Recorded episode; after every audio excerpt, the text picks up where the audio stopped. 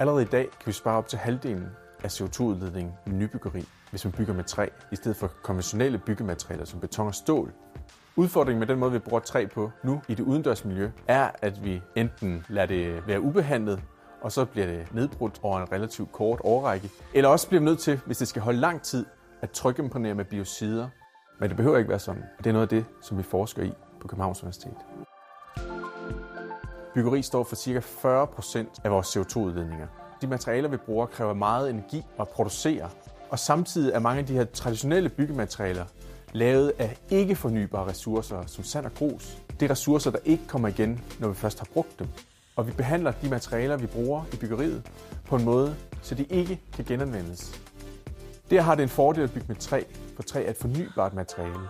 Træ kan dyrkes, det vil sige, hvis vi forvalter skovene bæredygtigt, kan vi faktisk blive ved med at få træ ud, som vi kan anvende fornuftigt i vores byggeri. Men vi skal selvfølgelig anvende det på en måde, så det holder længst muligt.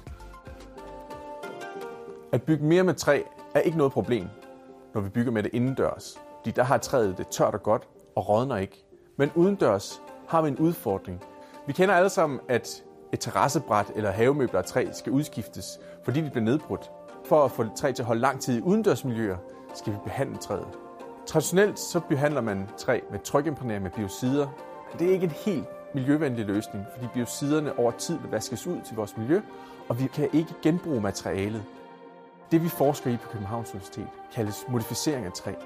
Det er en måde at holde træet tørt på, selv når det regner direkte på det. Man går simpelthen ind og laver kemiske reaktioner inde i træets cellevægge, som gør, at der ikke kan være så meget plads til vand. Og hvis man gør det i tilstrækkelig grad, så synes rådsvampe ikke, det er sjovt at spise træet. Og så holder materialet i rigtig, rigtig lang tid. Også i meget udfordrende miljøer. En anden fordel ved at bruge modificering frem for trykimponering med biocider, det er, at vi kan recirkulere materialet. Vi kan genanvende materialet efter dets første levetid. At bygge med træ og andre biobaserede materialer er en oplagt mulighed nu og her for at reducere vores CO2-udledning. Når træer vokser ude i skoven, så sker det ved, at de optager CO2 fra luften. Det vil sige faktisk, at træ et CO2-lager.